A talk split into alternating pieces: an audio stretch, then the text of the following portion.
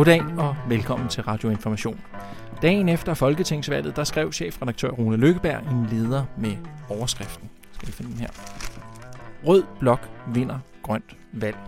Det er en sejr, ikke bare for de røde partier, men for det store flertal af danskere, som har klimaet som det vigtigste politiske emne, at de danske politikere nu ser ud til at tage klimaproblemet alvorligt og påtager sig ansvaret for at løse det.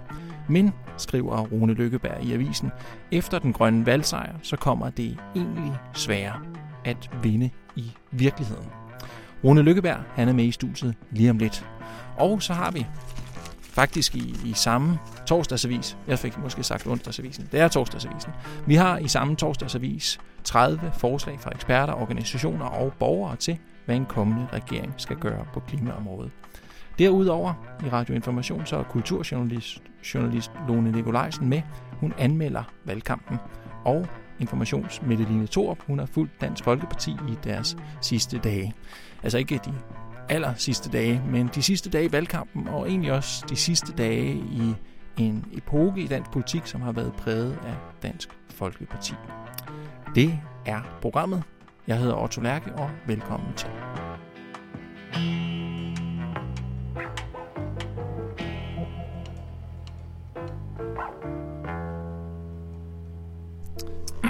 Godt. Med i studiet, der er nu chefredaktør Rune Lykkeberg. Velkommen til dig, Rune. Tusind tak, Otto. Du har skrevet, som sagt, leder om Folketingsvalget. De røde vinder et grønt folketingsvalg.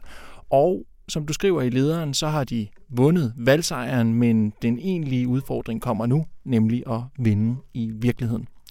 Hvad mener du med det? Jeg mener, og, og jeg synes virkelig, det er en meget stor triumf for forestillingen om, at oplysning og engagement og politisk magt hænger sammen. Det synes jeg, det er, at man over et år skaber en konsensus om, at klima er det største problem. Og jeg tror, det er enormt vigtigt for klima, at det ikke bliver et, et øh, højre-venstre spørgsmål. Men at det faktisk er en præmis, man deler. Og jeg synes, at Liberal Alliance og Dansk Folkeparti for under et år siden havde de begge to klimaordfører, der var klimaskeptikere nu er de begge to bare kendt, at man skal have en klimapolitik. Og det synes jeg er et fantastisk fremskridt. Og så mobiliseringen er fantastisk, og bevidstgørelsen er fantastisk, og valgkampen, som blev grøn, havde ingen af os jo tur tro på. Inden jeg havde i hvert fald ikke. Mm. Men jeg synes også, man må sige, at det er også sådan, at det må ikke koste noget. Der er ikke nogen villighed til, at den grønne omstilling kan koste noget. Altså siger politikerne i ja, valgkampen? i deres, den måde, de taler om det på. Ikke? Det er det største problem i verden, men man vil ikke ofre noget for det. Mm. Men jeg synes, venstrefløjen er det samme. Altså, jeg synes, enhedslisten og SF starter med at sige, at vi vil i hvert fald have flere penge til velfærd. Mm. Ikke? I hvert fald flere penge til velfærd. Vi vil have minimumsnormeringer. Og bagefter kan vi så se på finansiering til den grønne omstilling. Søren Pape gør grin fra de konservative af forskning om, det skal gøre ondt.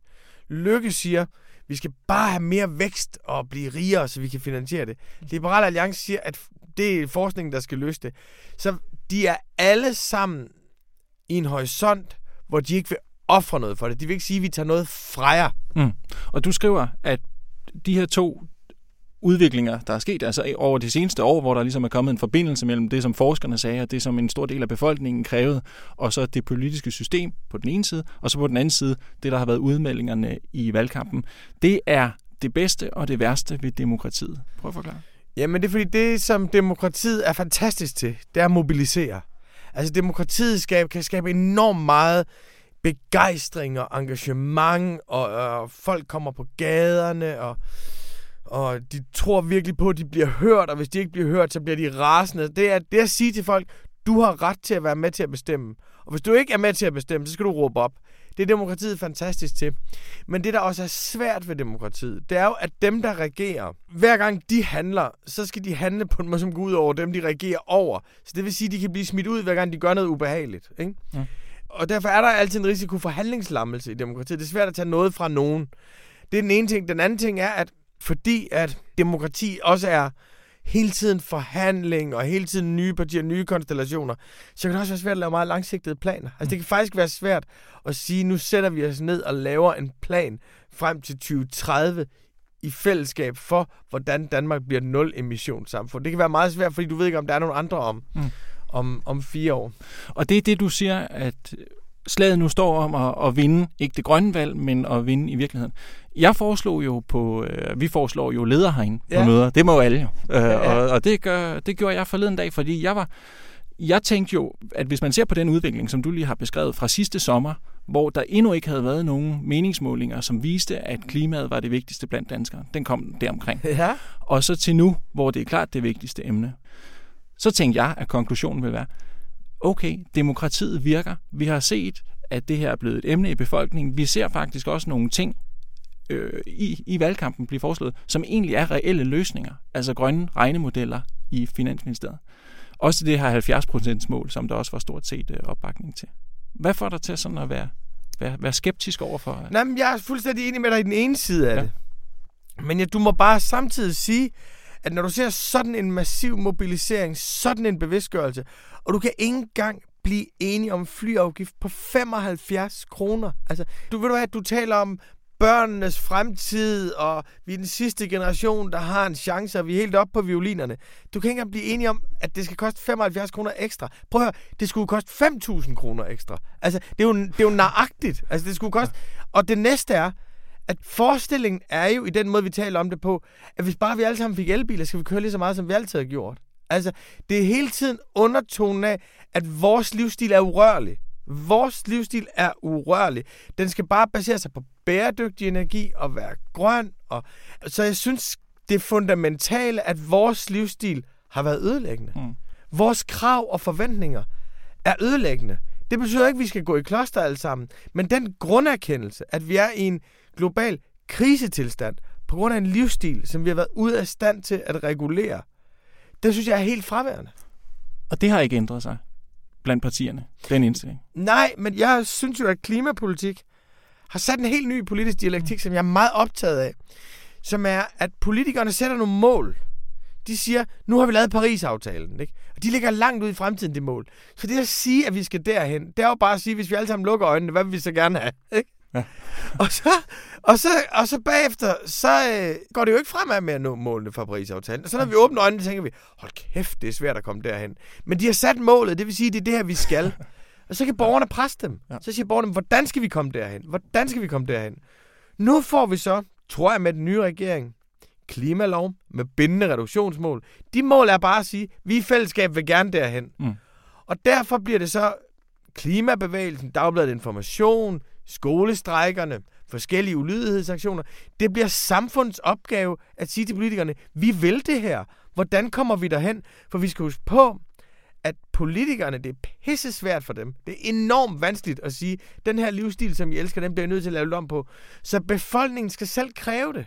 Ikke? Mm. Så derfor er det jo enormt vigtigt, at vi holder engagementet.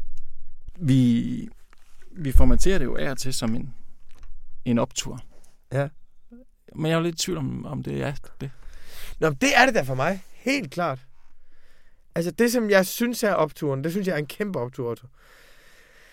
Det er helt grundlæggende, at alle de unge mennesker oplever, at de er blevet hørt. Det synes jeg er så ekstremt livgivende. De unge mennesker, som godt kunne føle sig svigtet af det politiske system, de har oplevet, at politiske system tager hånd om. Det synes jeg er helt vildt. Men også os gamle. Vi er jo også blevet hørt. Ja, men vi er jo også vokset op med det. Mm. Vi er jo både en del af problemet og en del af løsningen. Mm. Men de, de unge kunne godt sige, fuck det her pis. Mm. Du ikke, det er en kæmpe optur? Jo, helt klart. Rune Lykkeberg, tak skal du have. Tusind tak, Otto.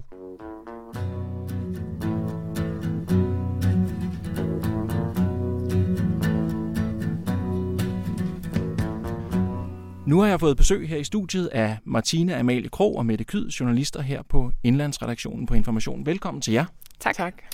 Klima og miljøpolitik, det har fyldt meget i valgkampen, og derfor så er der også en forventning hos mange vælgere om, at det også kommer til at fylde meget i konkret politik.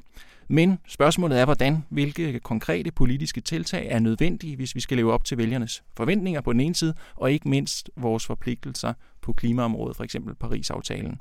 I har spurgt en række eksperter, organisationer og borgere, jeg sidder med. Dagens avis her, dagen efter valget. Værsgo, mm. Mette Frederiksen. Her er køreplanen for en grøn regering. Martine, øh, hvad siger dem, I har, I har talt med? Jamen, øh, de siger rigtig mange forskellige ting, og det er jo også lidt af styrken ved det.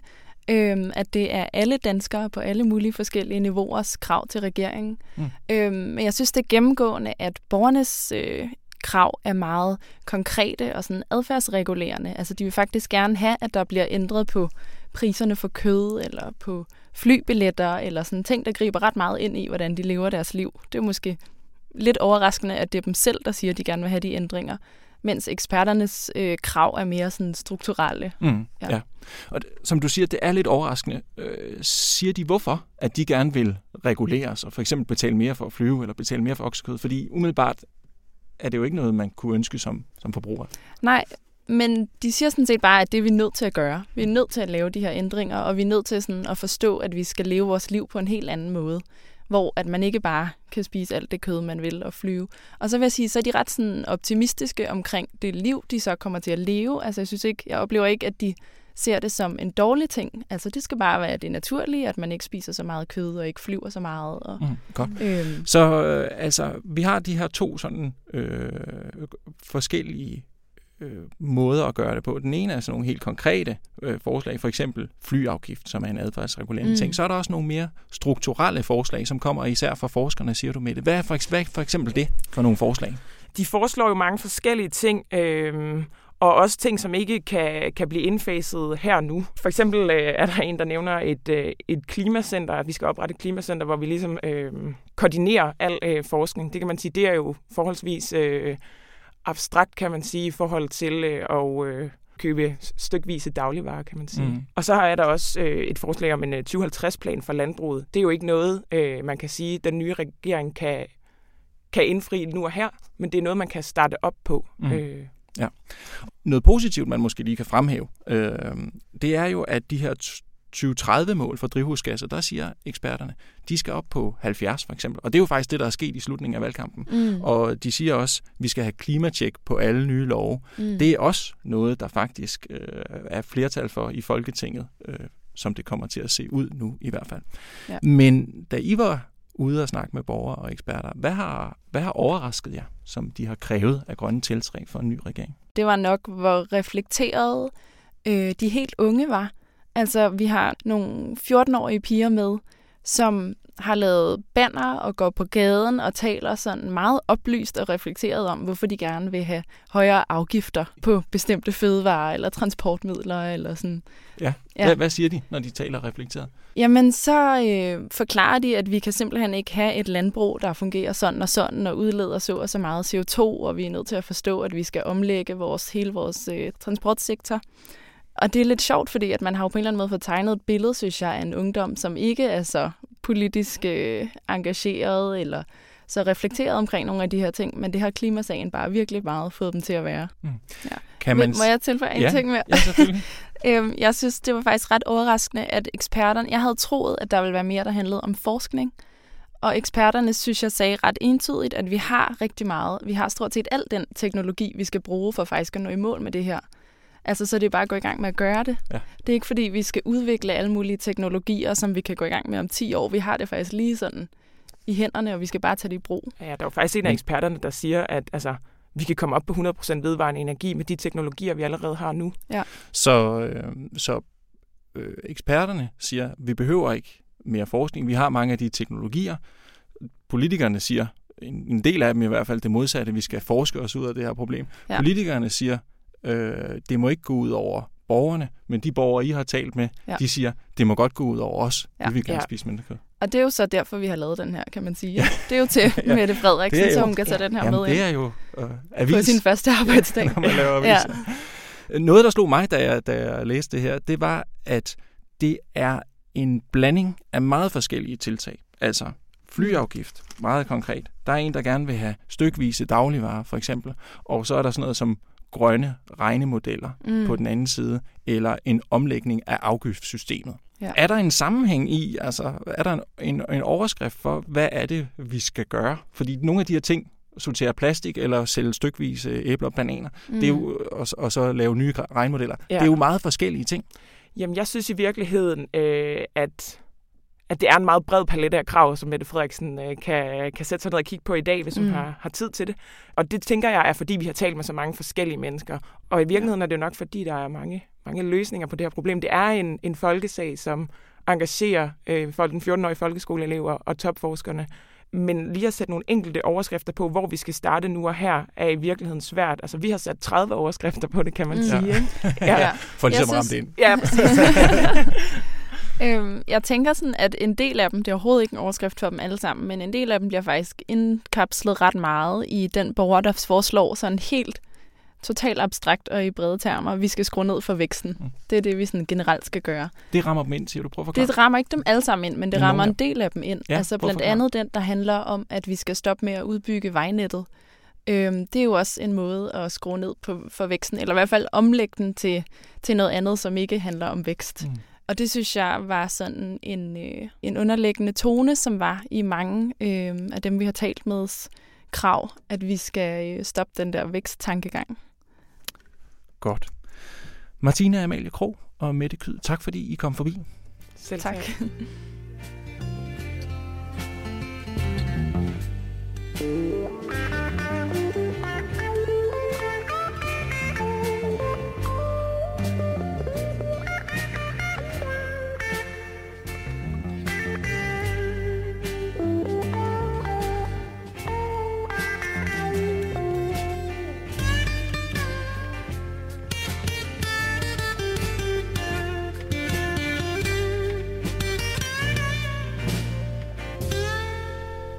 Ved denne uges folketingsvalg, der gik Dansk Folkeparti fra 37 til 16 mandater.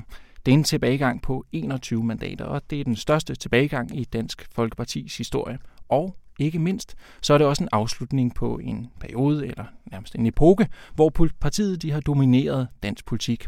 Min kollega Mette Thorup, hun har fulgt Dansk Folkeparti de sidste dage op til valget, og med i studiet, der er netop Mette Thor. Velkommen til dig, Mette Tak skal du have også. Du har fulgt Dansk Folkeparti. Øh, prøv lige at forklare, hvorfor. Jo, det var fordi, vi havde den her øh, forestilling om, eller vi vidste godt, at et af, eller en af valgets store historie blev historien om Dansk Folkepartis nederlag. Vi vidste jo ikke, hvor stort nederlaget ville blive, men tendensen i meningsmålene havde været rimelig klar længe. Ikke? Øh, det så ud til at blive et skidt valg. Hmm. Så derfor besluttede vi os jo for at, at finde ud af, øh, hvad der skete, hvorfor det skete, og følge nogle af partiets medlemmer. Og også bare fordi, at det er jo ikke kun en historie om Dansk Folkeparti.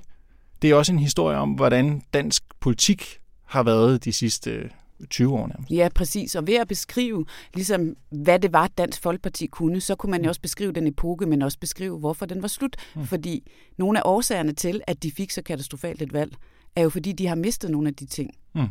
Ja, godt. Så hvad, hvad har du lavet de sidste par dage, hvor ja. du ikke uh, har det var været så her, det her hele tiden? Ja, det var så det med Ballerup, hvor vi tog til Ballerup Storcenter, Side og jeg, Side tager billeder, øhm, og vi uh, fulgte Pia Kærsgaard, hun stiller op i, uh, i den kreds, og uh, hun var ude og uh, hun førte kampagne derude, hun stod foran Ballerup Storcenter og delte blå muleposer ud med DF-logoer og så videre. Hmm. Og uh, det var ret fint at være der, fordi det er netop en af de ting, som partiet ret hurtigt blev kendt for. Hendes Pia Kærsgaards utrolige øh, nærvær og kontakt med vælgerne, altså hvordan hun kunne ligesom sætte sig i øjenhøjde. Og det er også det, man kunne se, hun gjorde der.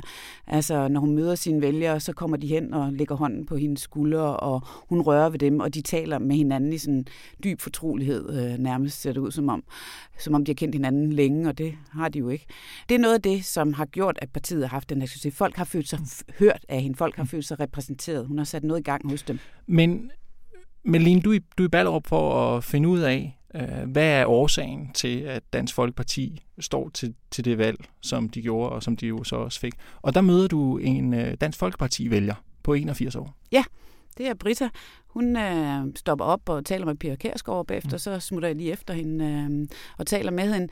Og hun er, synes jeg, på mange måder ret karakteristisk øh, for, hvad det er, der er gået galt for Dansk Folkeparti. Fordi hun siger, jeg kan simpelthen ikke øh, forstå, at øh, Christian Tulsendal ikke gik i regering øh, dengang. Der var muligheden i 2015, hvor Lars Lykke vandt regeringsmagten. Mm. Øh, og hvis han så ikke kunne, så skulle han i hvert fald være meget mere tydelig omkring det. Ikke? Fordi hun synes, det viser, at øh, partiet ikke har taget ansvar. Og det er jo også noget, der er karakteristisk. De har været Så hvad stemmer hun nu? Hun stemmer så på Socialdemokratiet nu. Okay. Hun har stemt ja. på dem altid, og siger så, at partiet får ikke hendes stemme øh, denne her gang. Hun stemmer på Socialdemokratiet i stedet mm. for. Og altså, det tror jeg er meget karakteristisk. Jeg tror, der er mange vælgere, der ligesom har, har tænkt, altså, hyper de mere deres egne kartofler end vælgernes interesser. Okay. Øhm, Ja. Hvad, hvad sker der så mere i de her dage, hvor du følger Dansk Folkeparti? Ja, der øh, er der jo så øh, dagen efter her om tirsdagen, det var jo dagen før valget, og onsdag, der sker der jo ikke så meget i løbet af sådan en formiddag. Øh, det begynder først det, som at ske øh, i løbet af aftenen, lige op til den første exit poll. Og der går jeg så over til øh, Dansk Folkeparti, som holder deres øh, valgfest i Snapsting. Mm. Øh, og Som det, er Christiansborgs kantine. Præcis, ja. Og det var jo et interessant sted at være, for for fire år siden, der var der jo bare dækket op til en kanonfest. Ikke? Der var- havde øh, hvad hedder det, meningsmålinger haft præcis en omvendte tendens. Det var gået opad og opad. Så der var isbar, og der var Isbar, storløber. det? Altså en bar, der var lavet af is. Uh, altså, uh, en, hvor bare disken var lavet af Ja, is. ja altså, øh, og der var øh, rød løber, og der var blomsterdekorationer, og altså, der var virkelig pyntet op til Mm. fest. Ikke? Og en tre meter høj øh, banner med Christian Thulsen Ja, Dahl, beskrev du. et tre, tre meter højt sådan foto, hvor der så Ja. ja. stod, I kan regne også, eller noget i den retning. Øhm, det var jo så lidt sjovt at se, fordi hvordan pynter man op til noget, der egentlig kunne være en begravelsesfest for en epoke, og måske skulle være det. Ikke? Mm. Og det var jo så også langt mere afdæmpet. Der var ikke nogen af de der ting. Mm. Men dog var der flæskesteg og, og hvad hedder det, og smørbrød, ikke? Ja, okay. Og du øh, er så til den her mere afdæmpede øh, fe- valgfest, øh, valgaften hos Dansk Folkeparti. Taler du med nogen om, øh, hvorfor det er, har været et dårligt valg for Dansk Folkeparti? Jeg høre den der meget sådan centrale udveksling med Søren Espersen, som er partiets næstformand.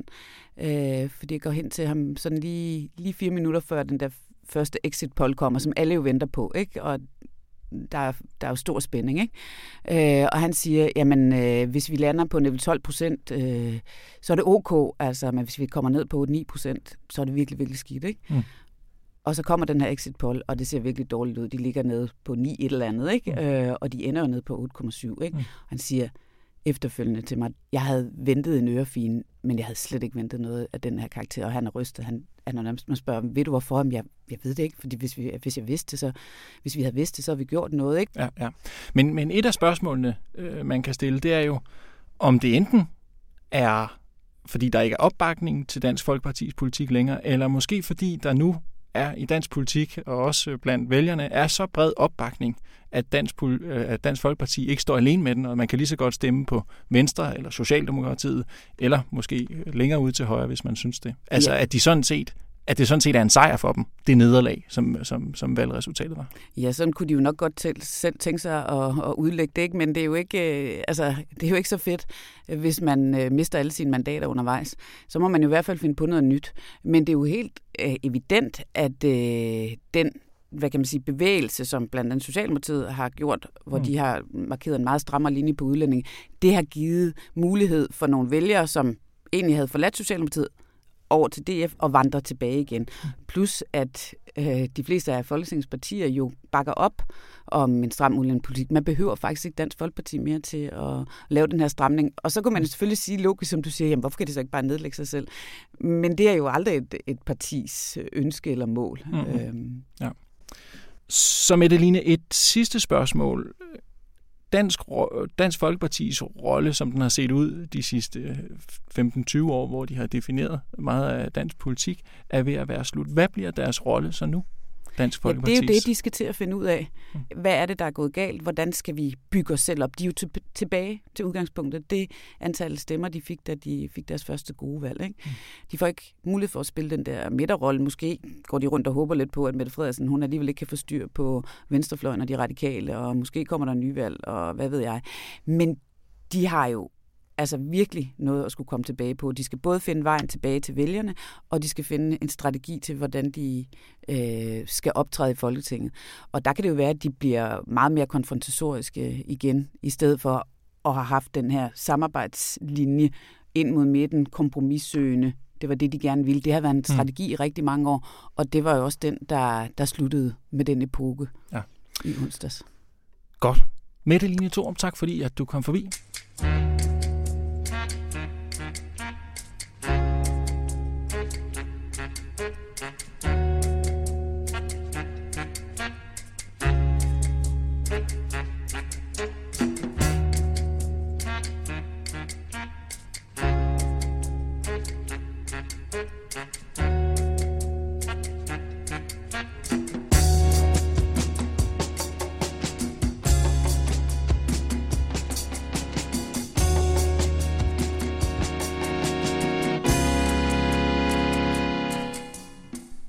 Folketingsvalg er først og fremmest en politisk begivenhed, men det er også en kulturel begivenhed med sin egen dramaturgi og koreografi, sin egen hovedpersoner, sin egen form for markedsføring, sin egen memer og sin egen farveskala faktisk. Ikke mindst så har den selvfølgelig sin egne sange.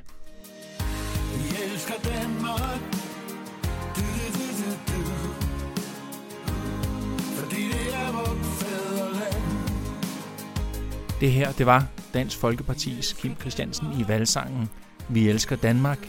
Du, du, du. Og sådan en kulturel begivenhed, som den her sang er, og som valgkampen er, er selvfølgelig noget, vi dækker her på Dagbladet Information. Det hele det har været samlet af kulturjournalist Lone Nikolajsen, og du sidder lige her, Lone. Velkommen til. Mange tak.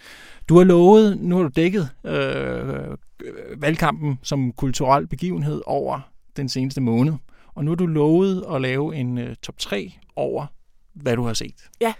Skal vi ikke øh, tage den top 3?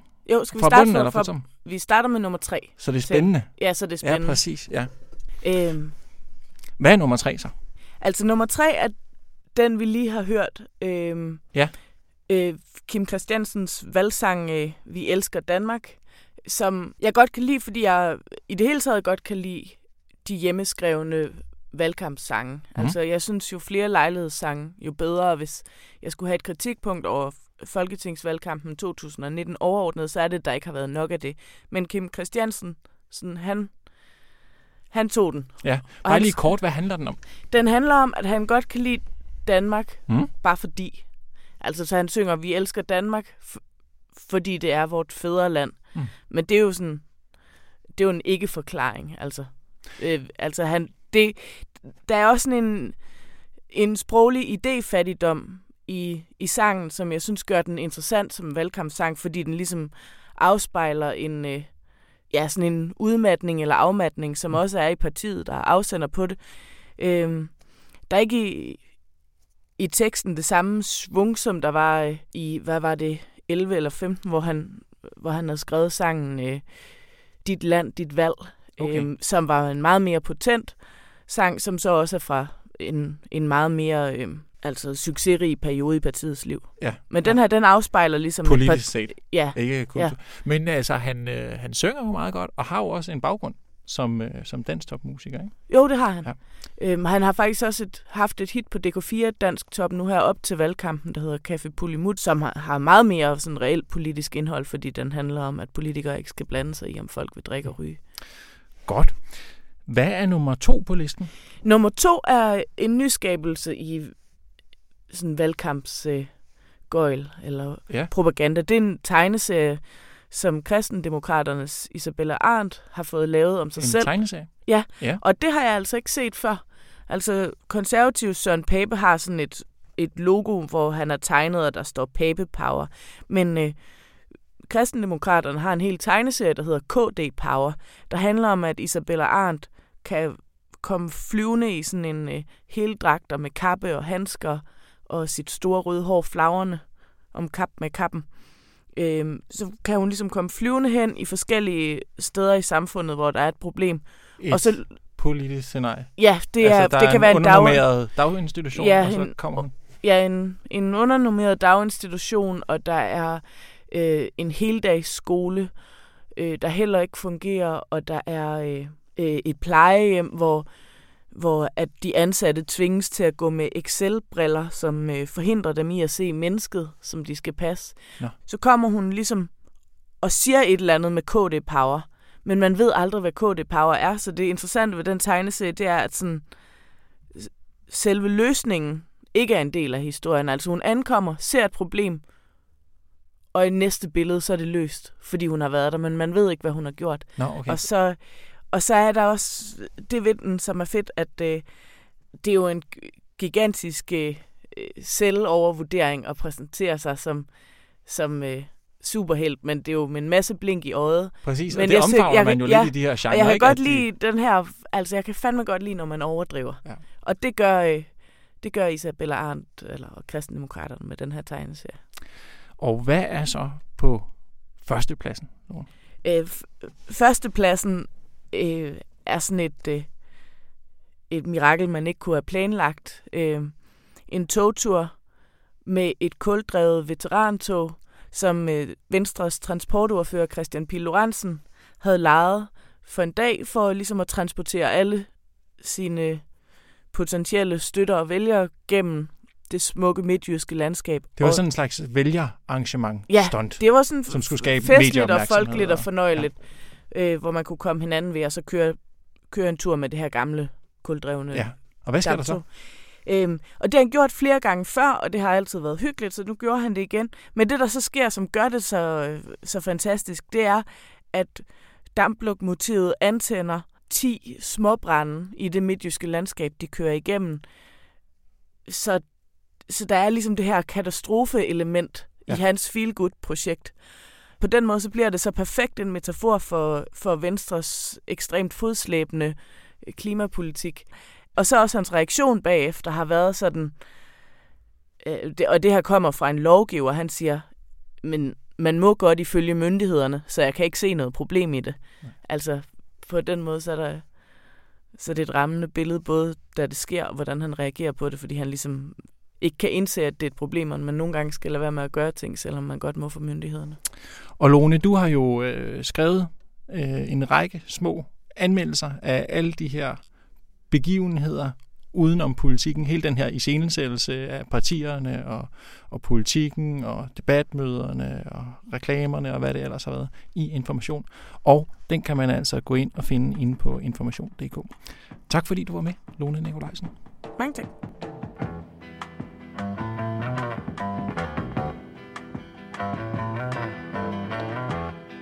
Det var ugens udgave af Radioinformation. Tak fordi I... Nej, jeg slukker lige den her. Så synes jeg egentlig godt lige, vi kan tåle at høre den her en gang til. Kim Christiansen fra Dansk Folkeparti med Vi elsker Danmark.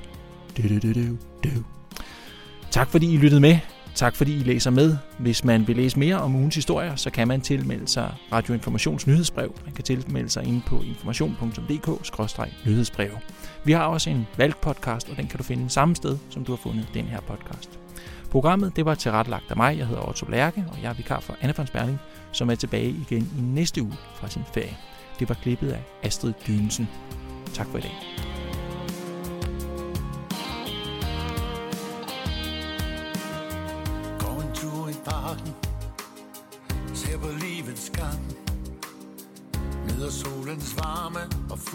Sang. Gå en tur på strand. Mærker vinden sus.